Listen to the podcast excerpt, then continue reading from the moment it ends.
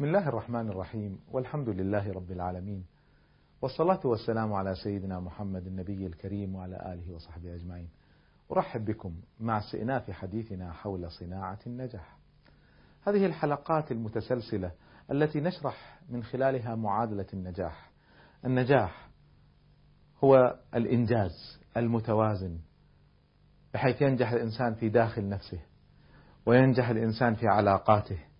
وينجح الإنسان في إنجازاته وينجح الإنسان أهم نجاح مع ربه عز وجل. شرحنا المفهوم الأول النجاح مع الذات. ونحن الآن نشرح المفهوم الثاني الإنجاز في العلاقات. وتحدثنا تحت الإنجاز في العلاقات عن مجموعة من المعاني الهامة. من بينها معنى الحب الصادق الحب الذي تبنى به العلاقات. علاقات أبوية علاقات زوجية علاقات بنوة علاقات صحبة علاقات موظفين علاقات عمل إلى آخره. هذه العلاقات تبنى بناء على معادلة الحب الصادق الحب الذي لا يشترط شروطا. إذا أعطيتني أعطيك إذا أعطيتني النتائج التالية سأحبك. لا وإنما أنا أحبك لأنك أنت. بهذا المفهوم الأساسي نبني العلاقات. بناء العلاقات مثل قصر يبنى. قصر نعم. يبنى لبنة لبنة. هنا تصرف هنا كلمة جميلة هنا خلق حسن هنا محبة بلا شروط. تزداد العلاقات يوما بعد يوم. إلى أن تصل إلى الدرجات العلى من أمر العلاقات. من مسألة بناء العلاقات الحب بلا شروط ومن أسسها كذلك أن نحاول أن نفهم أن نفهم بعضنا أن نفهم كل واحد ما هو مقصوده. إذا حاولنا أن نبني العلاقات على فهم سطحي على تشنجات على لحظات بدون تأمل. سبحان الله تنهار العلاقات. الفهم فهم الآخرين. أحاول أفهم ما في نفوسهم. أيضا أحاول أفهم الكلام. يعني أحيانا الكلام واحد يقول شيء لكن وراءه شيء ويقصد شيء آخر. هناك كلام ما وراء السطور وما بين السطور. الذي يريد أن يبني علاقات لازم يفهم. كثير منا يحاول أن يتكلم. يتكلم هو. ولا يحرص على أن يسمع. لا يحرص, يحرص على أن يفهم الآخرين. نحرص على أن نفهم نحن. أنا قصدي كذا وأنا مفهومي كذا وأنا رأيي ومنطقي وحجتي. طيب اسمع حجة الآخرين اسمع منطقهم اسمع ما في نفوسهم اسمع. حتى بعض الناس يعني عندما أستشار واحد يستشيرني إيه أنا لما كنت كذا فعلت كذا بدأت أتكلم عن نفسي ولا ألتفت إلى مشكلته يصير حديث عن النفس. سبحان الله. كثير من الناس يفعلون هذا يقعون في مشكلة أو في خطأ الجسيم أنه يريد أن يفهم قبل أن يفهم. وطبعا تتجلى هذه المسألة أكثر ما تتجلى في لحظات الخصومة لما يصير خلاف سواء زوجي أو عائلي أو بين الأصحاب أو حتى يعني في قضايا العلم. وتبدأ بعض الناس يعني الزوج يرفع صوته والزوجة ترفع صوتها ولا المتجادلين يرفعان الأصوات ويظن الواحد أنه لما يرفع صوته قد انتصر وأثبت الحق وأقام الحجة. يعني حنانيكم حنانيكم. هي القضية ليست بقضية رفع الصوت. الحق ليس برفع الأصوات وليس بالصراخ وليس بالجدل. بعض الناس يصل إلى أكثر من هذا حتى يعني لما لما يختلف يمكن يبدأ المسألة بخلاف صغير. يبدأ يكبر يكبر يكبر ويبدأ يسب ويغتاب وينم ويعني يشتم صار فجور في الخصومة وهذا من أخلاق المنافقين وليس من أخلاق المؤمنين. وفي النهاية يعني يريد الإنسان أن يستشعر أنه هو الذي انتصر. أنا انتصرت. يعني معركة تافهة انتصر فيها صاحبنا. لا ليس هذا. ليس هذا هو النصر الحقيقي. النصر الحقيقي هو الوصول للحق. هذا هو النصر الحقيقي. النصر الحقيقي ليس أني أغلب خصومي ولا أغلب مخالفي ولا أغلب زوجتي ولا ليس هذا هو النصر الحقيقي. لن يفهم لن يفهم الإنسان إلا إذا حاول أن يفهم. أما ما دام يعيش هكذا بدون تأمل وبدون نظر سيقع في الخطأ الجسيم الخطأ الرئيسي وهو أنه سيتكلم. نعم وقد يثبت حجته وقد ينتصر لكنه لن يبني علاقة. بناء العلاقات يحتاج إلى فهم الآخرين. مزيد من هذا المفهوم أحدثكم به بعد الفاصل إن شاء الله. افهم الآخرين لكي يفهموك. إن فهم الآخرين هو بمثابة الإبحار في أعماق من هو أمامي والتجول في داخله وأنا أسأل نفسي لماذا يفكر ويتصرف هكذا؟ محاولة أن نفهم دواخل النفوس أن نفهم ما وراء الكلمات أن نفهم ماذا يريد الذي أمامي. أحاول أن أعرف نيته. الهدف هو ليس أني أنتصر. الهدف أن أصل أنا ومن أمامي إلى العدل إلى الحق.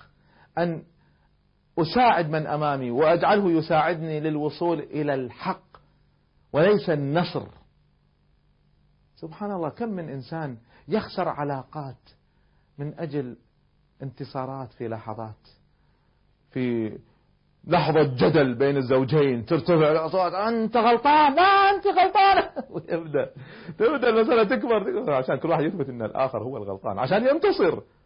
طيب وما النتيجة؟ طيب وانتصرت وبعدين ما أخبار العلاقة؟ ما أخبار العدل؟ ما أخبار الحق؟ ما أخبار العشرة سنين؟ ما أخبارها؟ ما أخبار أيام الخطوبة والعلاقة الحلوة؟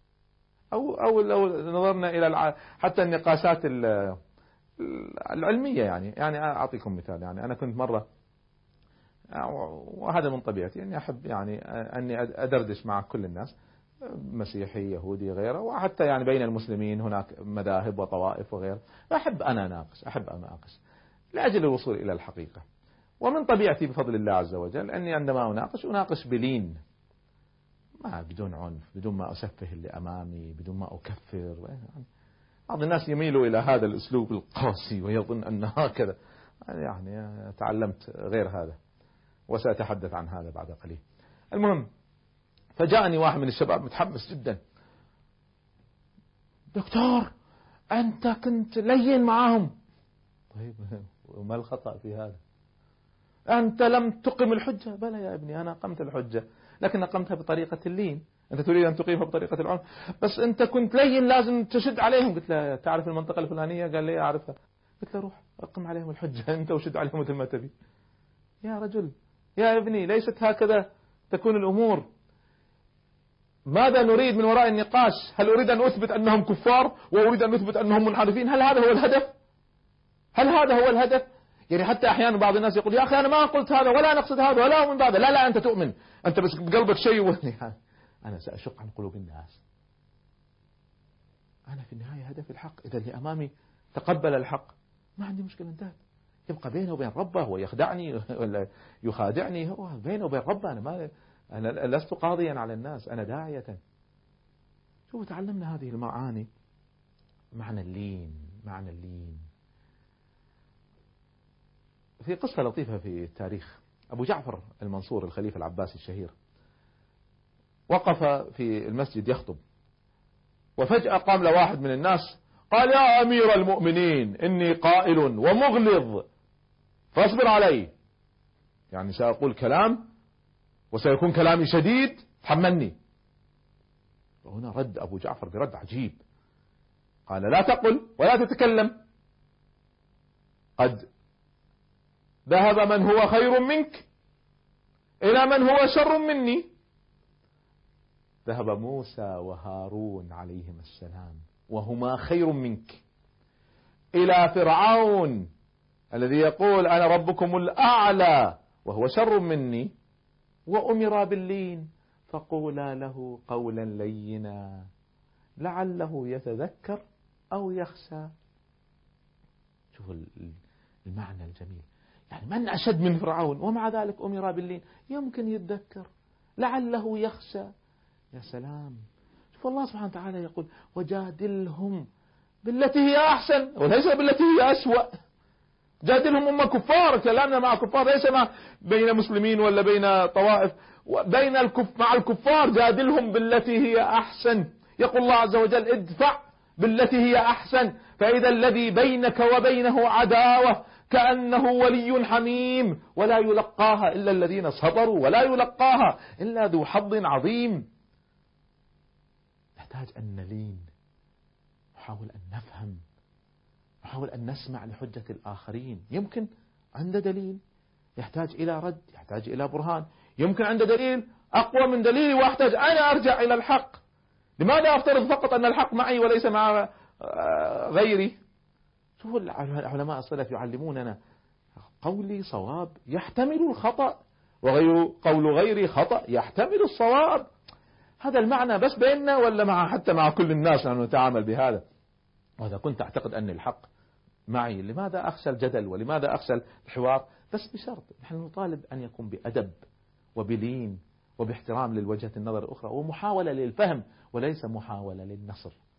مزيد من هذه المعاني أحدثكم عنها بعد الفاصل إن شاء الله. النصر الحقيقي هو الانتصار للحق وليس التغلب على الخصم. معنى أساسي لبناء العلاقات حاول أن تفهم من أمامك. لا تصير القضية قضية انتصار. ترى أن الانتصارات هذه الصغيرة تافهة. دعوني أذكر لكم قصة لعلها تعبر عن هذا المعنى بشيء من من التوضيح مرة جاء واحد من الشباب ينصحني. طبعا هناك فرق بين النصيحة والهجوم يعني الهجوم يصير مع أسلوب آه، قبيح وكلمات قاسية وما في أدب في التعامل يعني هؤلاء أنا أستثنيهم يعني ما, أدخل. إذا خاطبهم الجاهلون قالوا سلاما ما أدخل معه. لكن لما يأتي واحد ينصحني بأدب أحاول أن أسمع وأحاول أن أفهم. طيب اللي يهاجمني أيضا حتى اللي يهاجمني أحاول أن أفهم. ما, ما مقصوده؟ لماذا فعل هذا؟ لماذا يتكلم بهذه الحدة؟ يعني لو تأملت سأجد أن بعض الناس الذين هاجموني هاجموني لسبب. أنه حريص على الدين. هكذا منطلقة منطلق الحرص والمحبة للدين وخوف على الدين من الانحراف ولا التشويه ولا أن يأتي واحد يمثل الدين فيخدع الناس به ولا يخطئ فيقتدي الناس به. بعض الناس أنا أفهم مقصودهم. لكن هناك سبب مهم لازم هو يفهم أيضا. أنه منطلقة وشدته هذه سببها أنه فهم الدين بطريقة معينة. أنا أطالب الناس بحسن الظن. يعني أنت حسن الظن في أنا أيضا. أني أنا أيضا حريص على الدين. وأنا أيضا عندي شيء من علم. وقد أكون غلطان. وقد تكون أنت غلطان. ووجدت سبب رئيسي لوقوف كثير من الناس بشدة وعنف. وهو أنهم تعلموا الدين بطريقة معينة. يعني على مذهب واحد أو على منهج واحد. أو تعلموه على علماء من بلد واحد لهم طريقة واحدة وبالتالي فهم الدين فقط بهذا لم يطلع على بلاد أخرى مذاهب أخرى قناعات أخرى أدلة أخرى. وطبعا احترامه هو لعلماء واحترامه لمكانتهم وثقة الكبيرة بعلمهم وأن يعني هم لا بالنسبة إليه لا ينزلون أبدا ولا يخطئون تقريبا. إذا هذا كله أدى إلى أن يفهم الدين بطريقة معينة. إذا معظم الذين سيهاجمونني أو ينصحون بشدة إن شئتم هم ينطلقون من منطلق حرص وينطلقون من منطلق فهم.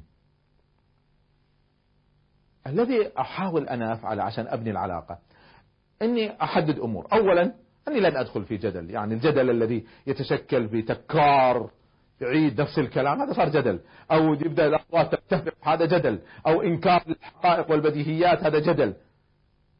ما يريد أن يسمع يريد فقط أن يتكلم صار جدل. أنا ما أدخل في جدل. لكن إذا اللي أمامي مستعد أن أن يناقش يحاور. مستعد أنا أناقشه. ومستعد أن أحاول أن أفهم ما وراءه. ولماذا يتصرف بهذه الطريقة؟ هو عنده حرص وعنده فهم.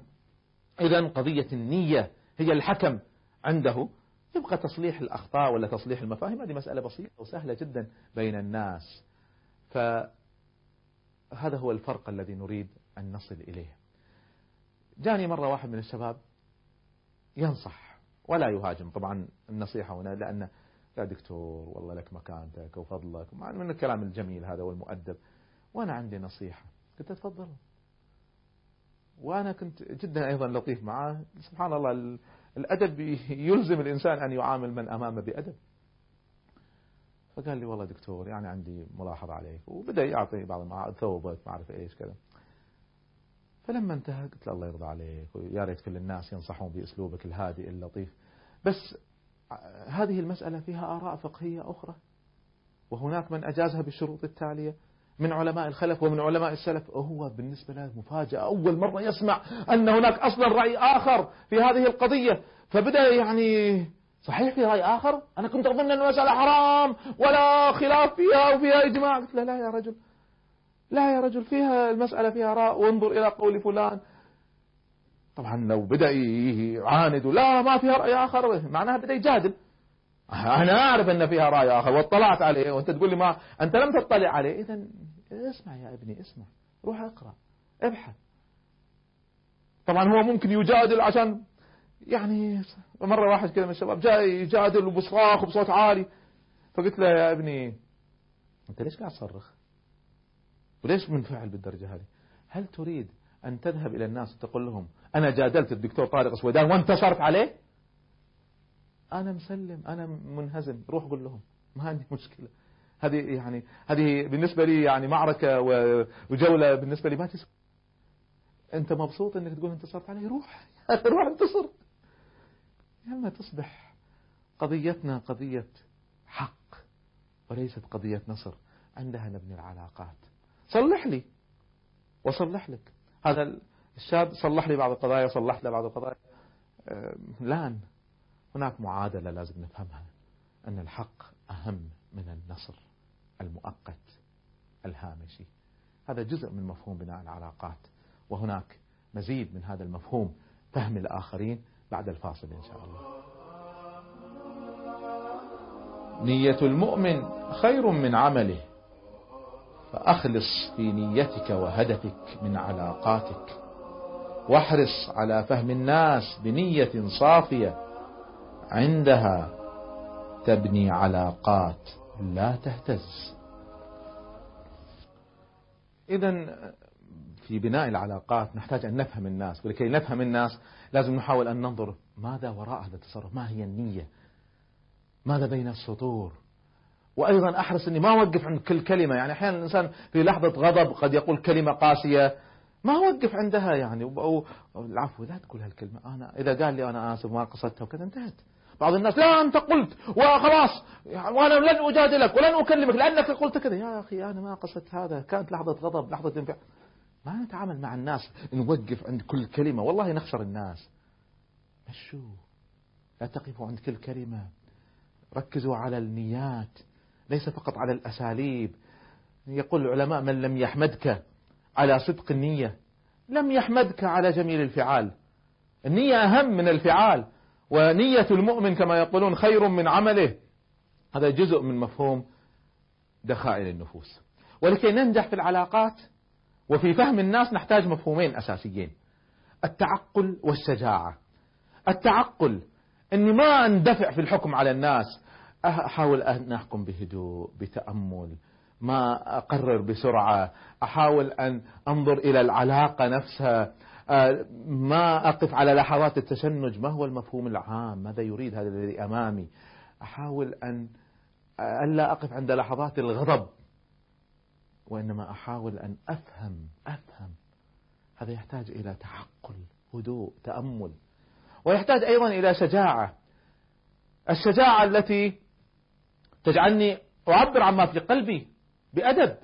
بعض الناس عشان يعبر عما في اسمح لي بكون صريح ويبدأ يسب ويشتم. باسم الصراحة. يا سالم هذه ما هي صراحة هذا قلة أدب. قول بصراحة قولها بأدب يا أخي. بدون تشنج. قول لي كل اللي بقلبك بس قول له قول لي إياها بأدب. أنا أيضا عندما أبني العلاقات مطلوب مني أن أكون شجاع في إبداء رأيي وإبداء ما في نفسي لكن أيضا مطلوب مني أن ألتزم بالأدب.